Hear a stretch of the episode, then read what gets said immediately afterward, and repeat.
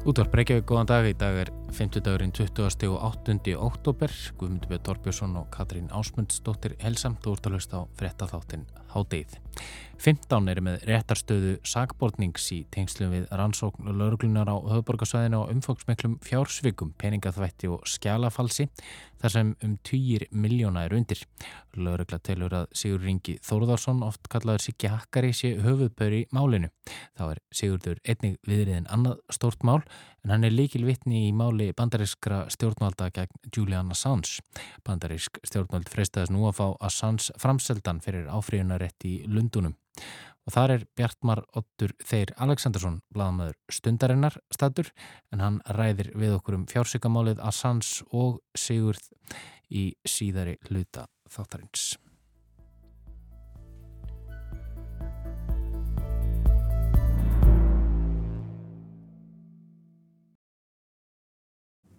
En við byrjum í landinu Helga, Ísrael og Palestínu.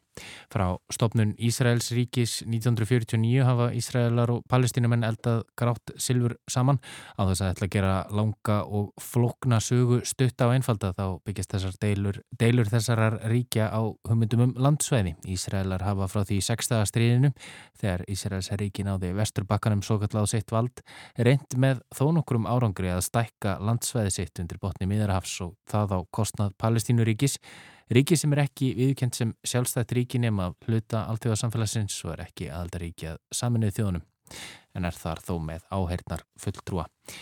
Ísraels ríki hefur allt frá stofnun þess, notið velvildar og fjárstunings bandaríkjana og státar meðal annars að veinum upplöðasta herr veraldar.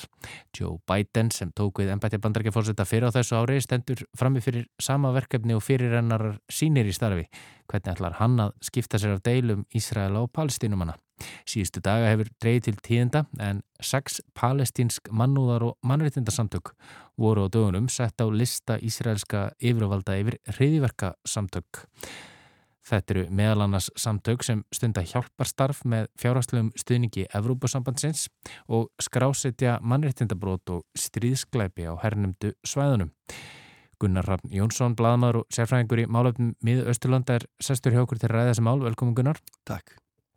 Þessi ákvörðun Ísraelsmanna, hún virðist þá að komið mér að segja ráðmennum í Washingtoni átna skölda ekki sett. Jú, eins og þú sagði ráðan, það eru mjög náinn tengst þar á milli og menn hafa yfirleitt ráðfært sig við Washington, svona hefð fyrir því áður en að taka stór skref þarna Ísraelski lettvar. Uh, Utanríkisánandi bandarækina segist hreinlega ekkert hafa heyrt af þessu máli.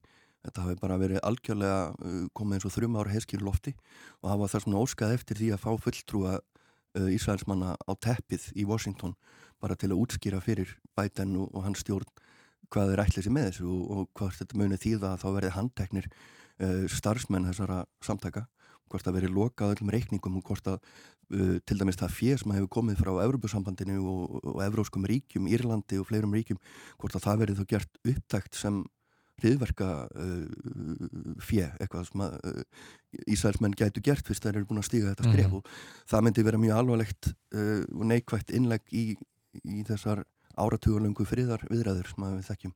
Einmitt. En hvaða samtök eru þetta sem umræðir og, og hvað gera því? Uh, þetta eru nokkur fjölbreytt samtök. Eins og þú sagði ráðan þá eru þau að skrásetja mannréttindabrótt, bæði mannréttindabrótt og stríðskleipi sem palestínu menn fremja og líka sem Ísælsmenn fremja. Og uh, heitir meðal annars Al-Haq er einn samtökin hann sem eru því bara sannleikurinn. Um, það eru samtök uh, In Defense of Children International palestinski uh, palestinska útibúið frá þeim. Og uh, þessi samtök eru sögð af Ísælsmannum þeirra raukstuðningur fyrir þessu er að þau tengist samtökur sem heita PFLP eða Popular Front for Liberation of Palestine sem hafa verið skráð sem hriðverka samtök lengi af Ísælsmannum og af bandaríkjamannum en eru álitin réttmætt stjórnmálarhefing af flestum palestínumannum. Mm -hmm. Þannig að það eru, svona, er, er, eru þetta sannanirnar sem að, að Ísælar er að leggja fram og, og til þess að segja að þetta séu Já, hriðverkarsamtök, eða tengjast hriðverkarstafsemi. Já, þeir segja að það séu sameiginleg fjárráð þarna á milli PFLP og sömra þessara samtaka eða sameiginleg starfsmenn, fólk sem starfi mm -hmm. á, báð, á báðum vettvangi. Uh, þeir hafa, e, fyrir þetta hefur ekki fært fram neina sannan, þeir hafa ekki sínt neinn gögn þessu til stuðnings. Að því bara reynlega, reynskilið hafandi verið þarna sjálfur þá held ég að það væri nú ekki flókið að sína tengsl af því að þetta er svo lítið samfélag Palestína, ég menna á Vesturbakkanum búa innan með þrjár miljónir og fjölskyldutengsl og ættartengsl eru, eru mjög mikil hann á milli. Þannig að ef þú vildir draga línu á milli einhverja einstaklinga og segja að þessi e, er bróður þessa sem starfar hjá PFLP og þú veist, það lítur að vera hægt. Þannig að uh, palestínumenn eru með, eru nú verið tvöfaldavörn í fyrsta lagi segja þeir uh, það er ekkit sem sannar að þetta tengis PFLP og í öðru lagi þó að það er því sannað, þeir vita að gæti held ég alveg gerst, að þó er því sannað að þá er það bara allt í lægi og það er ekki hægt að banna fólki að uh, tilheyra stjórnmannaflokki sem er löglegur í þeirra heimalandi. Einmitt, uh, það hafa einhverjir fordæmt þessa ákvörðun Ísraelsmanna, uh, er einhver vona því að henni verið snúið við? Það er aldrei sérstök staða núna, eins og svo sagði ráð með bætan að þá er hann að koma ferskur inn í þetta og þreyfa fyrir sér Á sama tíma er komin í ríkistofni Ísrael í fyrsta skipti í 12 ári er Benjamin Netanyahu ekki maðurinn sem þarf að ræða við. Þannig að báðir aðalar held ég eru dálítið að spila póker og reyna að sjá hversu langt þeir komast með kvotnannan. Eh, það eru miklu röfgamenn í þessari nýju ísraelsku stjórn. Mm -hmm. Þeir uh, Jafnvel er þessi nýja stjórntalin en svona leng en, en öfga meiri heldur en Netanyahu þá er hann mikið sætt. Já, það er almennt tilfinningin en hún hefur ekki anþá jú, þegar með þessu nýjastu skrefum það er nýjasta útspili, þá er það loksins búin að sína kannski áallina sínar og þessum nýju landnema byggðum sem hefur verið að, verið að fjölga líka þannig að, að landtöku byggðum eins og er vist réttar að segja en það held ég bottom line í þessu er að þetta verður svona fyrsti átakapunkturinn á milli Washington og hérna, uh, Ísraelskara ráðamanna. Þetta mun setja svolítið tónin hvernig þeir breyðast við þessu því að eins og ég mhm. sagði áðan þá eru mörg flókin praktistu atriði sem fylgja því að fara að gera upptækt fér sem að er uh, rennur til góðkjæraðmála af hálfu til dæmis Európusambansins það, það mun valda miklum vandraðum fyrir Ísrael og alþjóðavettvangi ef, ef að það gerist Einmitt og, og já, talandi um, um þessi samskipti bandarækjana og Ísrael, nú hefur kannski ekki mikið reynda þau síðan að bætinn tóku við. Eh, er, er einhver, ég er einhver von í lofti, er einhver möguleikið því að bætinn verði eitthvað öðruvísin fyrir hennar sínir í samskiptum sínu við Ísrael? Ef við á bara að vera alveg hreinskilinn þá fyrst mér hann vera ekki mjög sterkur leðtogi eh, hann hefur ekki komið fram mikil, mikillir festu síðan hann varð uh, fórsetið enda kannski að reyna að sína aðra hliðar heldur en Donald Trump sem var mjög uh, af, afdráttalös í sínum sinna afstöðu. Þannig að fyrir viki þá virkar hann kannski svolítið linur og ég hugsa að Ísælsmenn muni og eins og þið kannski er að gera núna einmitt með því að ráðfæra sér ekki við hann fyrir þessa ákvörðun það eru svona svolítið að reyna að gá hvort þeir geti ekki aðeins sniðgengiðan með að við uh, svona, já, fyrir yfirlýsingar. Einmitt, já, þetta verður uh, þetta verður, það verður forvittnilegt að sjá hvað gerist því að, því eins og segir, þá hafa sko, já, samskipti já, Ísraelar, þeir þeir reyða sér náttúrulega algjörlega á bandaríkin fjárhastlega, hvað kemur að hvað, til dæmis að hernum og bandaríski stjórnmálamenn reyða sig algjörlega á að geta sagst vera einarðir stuðningsmann Ísraels af því að þú verður einfallega ekki kosin sérstaklega, eða eiginlega kvorki sem republikani neddemokrati nema þú sért einarður stuðningsmann Ísraels og þeir geta alltaf hóta því að, að, að lýsa yfir að þú sért það ekki og þá ertu bara í vondum málum. Þannig að þeir hafa báðir taka okkur öðrum. Emit, það. Kærað ekki fyrir komin að hátaði Gunnar Takk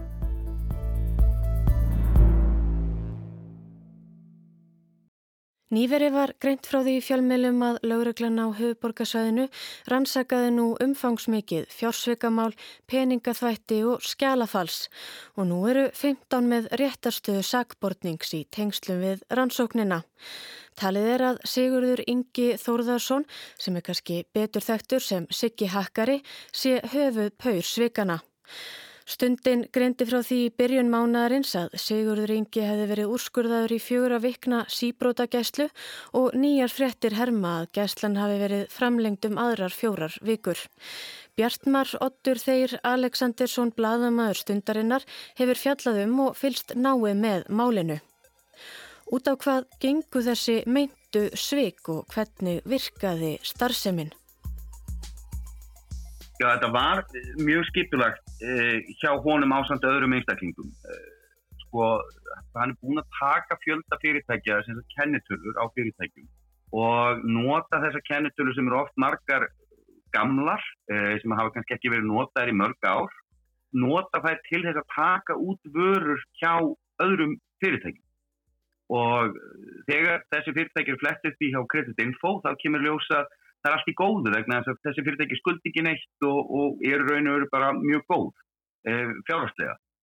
Það sem þeir gera líka er að þeir taka fyrirtæki sem eru á mögulega leiðinni í þrótt og eigundur sem að eiga þau fyrirtæki vita af því og þá taka þau yfir þau og klára allt það litla kredit sem þau fyrirtæki eiga.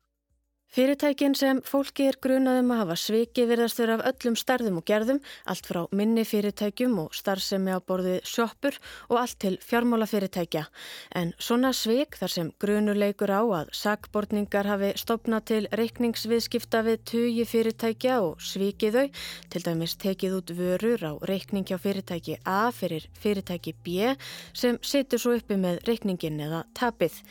Og þetta fyrirkomulag virðist geta verið afar arbært fyrir þá sem í hlut eiga því Marger Sveinsson aðstóri við lauruglu þjóttn hjá lauruglunni á höfuborgarsæðinu staðfesti að 20 miljóna séu undir. Þá bendir Bjartmaróttur á að það eru svo endanum neytendurnir sem gjalda fyrir svikin því einhvern veginn þarf fyrirtæki sem verður fyrir svindlinu að bæta upp tapið og það skilar sér í verðhækkunum sem svo bytnar á neytendum. En líkt og áður segir hefa nú 15 stöðu sagbortnings í málinu. Þó er talið að Sigurður Ingi Þórðarsson sé höfupöyrin en hvað þýðir það að vera höfupöyri í svona máli og tengjast allir 15 aðiladnir? Já, þetta er mjög skipulagt, eh, þetta eru mjög margir einstaklingar og eins og í tilfelli með að Sigur Inga um, er að hann sendir síðan aðra einstaklingar til þess að sækja vöruna sem hann pantar gegnum neti. Þannig að Sigurður er ekkert alltaf að fara og sækja vörur og það nefn síðan yfir marga aðila sem eru síðan allir tengir. Og Sigurðingi, hann skipleggur raun að veru allan þjófnaði. Þannig að það reynslan sem Sigurðingi hefur er að hann veit hvaða fyrirtæki eru uh, viðkvæm fyrir svona þjófnaði. Þetta er oft til dæmis að bókalddeildinar er ekki alveg með á hreinu þegar þeir eru að gefa, uh, að leifa fyrirtæki og komið í reiktinsviðskipti og þá þekklan þessi fyrirtæki og hvernig ferðlani þeirra eru með að leiða fyrirtæki um komið reiknisviski og þetta eru ofta sömu fyrirtækin sem hann ræðist á. Og, og er, við höfum ítalað til dæmis sínt fram og að, að hann ræðist mikið til dæmis á Skeljung, e, Báhást og, og fleiri og fleiri fyrirtæki sem að virðast ekki vera með mjög sterkar innanhúsreglur til þess að venda sig fyrir svona brot En hvernig er það? Er erfitt fyrir eftirlitsaðila, lögreglu og fyrirtæki að fylgjast með svona starfsemi? Fylgjast með því hvort eitthvað gruggugt sé að eiga sér stað? Sko það er ekkert sérstaklega erfitt eftir að þrótabústjóranir hafa tilkynnt að það hafi mjög átt til stað brot undir lok eh, stjórnunatíma fyrirtækisins. Það er bara mjög einfalt með að skoða er raun og veru bókald fyrirtækisins þegar það komi í þrótt og eins og í okkar tilfelli hér á stundinu þegar við skoðum eitt fyrirtæki sem heitir Northern Tours er að, að reikningarnir byrjuði bara að sapnast upp þrejum, fjóru mánuðum áður en, þeir voru raun og leðinu hausin. Þannig að þetta gerist mjög hratt og þetta gerist mjög, um, þeir, þeir eru mjög árásagjarnir, ég myndi segja, að þeir, þeir vaða í allt sem þeir geta. Og Sigurður hefur verið tilkynntur af nokkrum flotabústjórum uh, til sérstaklega saksóknar og að hér er saksóknar fyrir ekki og, og það er kannski að það er töfin á milli tilkynningana þar til lögurlega fyrir að rannsaka. Það verðist vera svolítið það sem til dæmis þeir brótubústjóðar sem ég rætti við sögðu að þeir tilkynntu þetta hér er stakksvondar en síðan bara leið tímin. En á meðan voru þeir bara komið nýja kennetölu og voru bara svindla sumi fyrirtækjum bara með aðra kennetölu. Og, og þetta er, er þaul skipulag og þeir stopna heimasýður og e-mail og svo eru búin með gerfinöpp helga í bókandir óskeftur að komast í reikningsviðskipti og, og þess það. Þannig að þetta er mjög vel skipilagt. Og þetta er ekki fyrsta sinn sem Sigurður Ingi kemst í kast við laugin. Hann var dæmdur uh, hér fyrr um, um árið 2013-14 fyrir fjársvík og meiri er hann dæmdur á þessum árum fyrir fjársvík á fyrirtækju sem hann er búin að vera svíkja núna undanfæra ná. Þannig að hann fór aftur að svíkja sömu fyrirtæki og hann hef, var bændur fyrir mörgum árum. Og, og þegar þú skoðar einu verið dómin og síðan þau gögg sem við höfum undir höndum hér á stundinni að, að, að hvernig hann er að svindla fyrirtækjum, þetta er einu bara copy-paste og það er stundum alveg magna að sjá hvað hann er að komast upp með að brjóta á sama fyrirtækinu aftur og aftur og aftur og að það séur einu verið engin stoppari sem að segir, heyrðu, er, þetta er, er orðsvöldu fyrirlega viðskipti og það er alltaf sömu menninni sem eru skráður eigundur nánast og þess að það, en það verðist ekkert vera, verið aðtúað það nógu vel og þess vegna verður þessi fyrirtæki alltaf verða fórnalum aftur og aftur.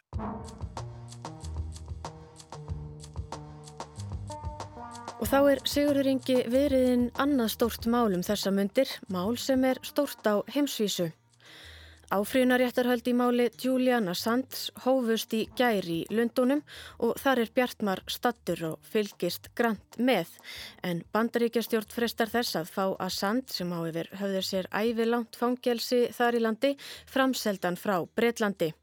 Bandarísk stjórnvöld segja að Sands hafa stemt lífi bandarískra hermana í hættu þegar Wikileaks, uppljóstrunar vefurinn sem hann stopnaði, byrti þúsundir háleinilegra skjala og myndskeið sem síndu meðal annars bandaríska hermen skjóta írakska almenna borgara úr þyrlu.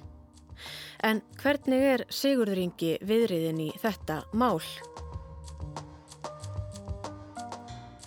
Já, Sigur Ingi er raun og verið stjórnuvittni bandarækka stjórnvalda í málunum gegn Julian Assange. Og það sem skiptir miklu máli hér er það að vittnisspörður Sigurðar er í raun og verið það sem breytir Julian úr bladamanni í hakkara. Og eh, samkvæmt saksóknum eh, bandarækka stjórnar þá er það sem gerir það greinamun uh, á þeim öllum að hann í raun og bara er glæpamaður, hann er ekki bladamaður og, og þar að leiðandi geta að fara fram hjá í raun og verið þessu fjölmiðla frelsi sem ríkir í bandaríkjum sem er mjög sterk og sagt og með að segja að þetta er bara vennjulegu glæpamaður.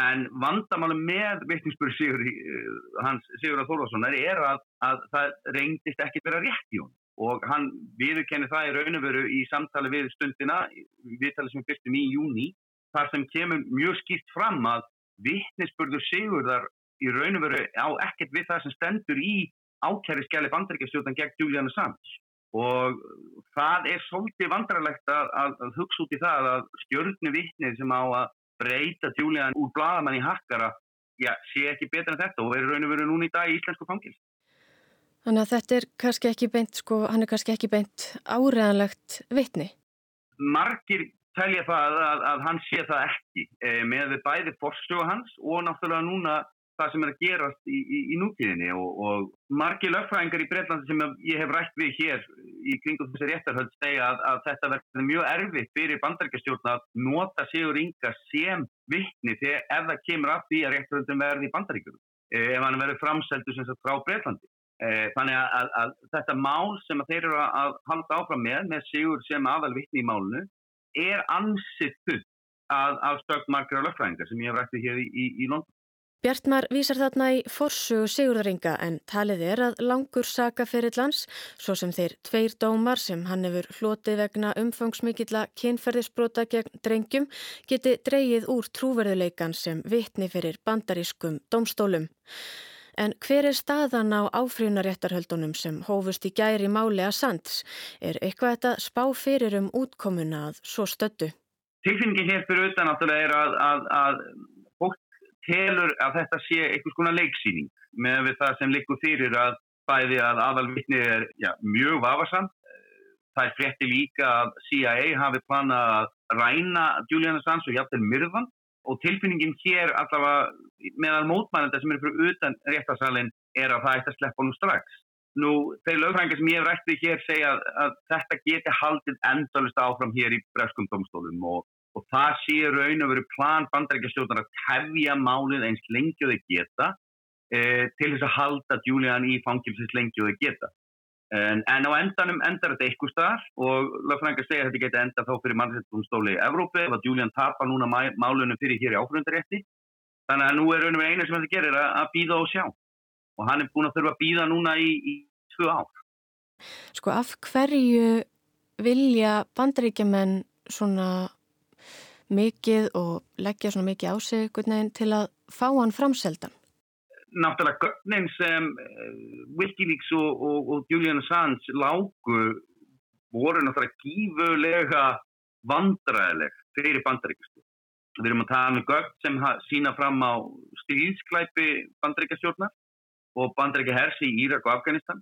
Um, við erum að tala um, um mjög pólitísklega uh, í raun og verum vandræðilega tölvupóstar sem Wikileaks var að leka og fleiri og fleiri mál uh, og, og þess aftur. Og ekki má gleyma því að það var einmitt Wikileaks sem að lag samhægmálinu og gögnum um það.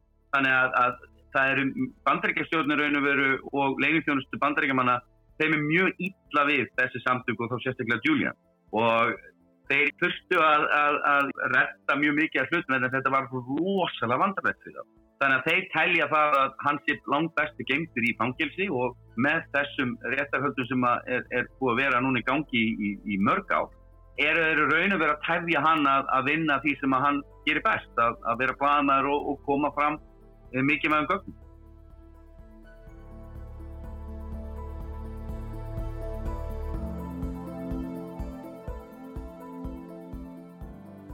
Sagði Bjartmar Ottur þeir Aleksandarsson, bladamadur stundarinnar.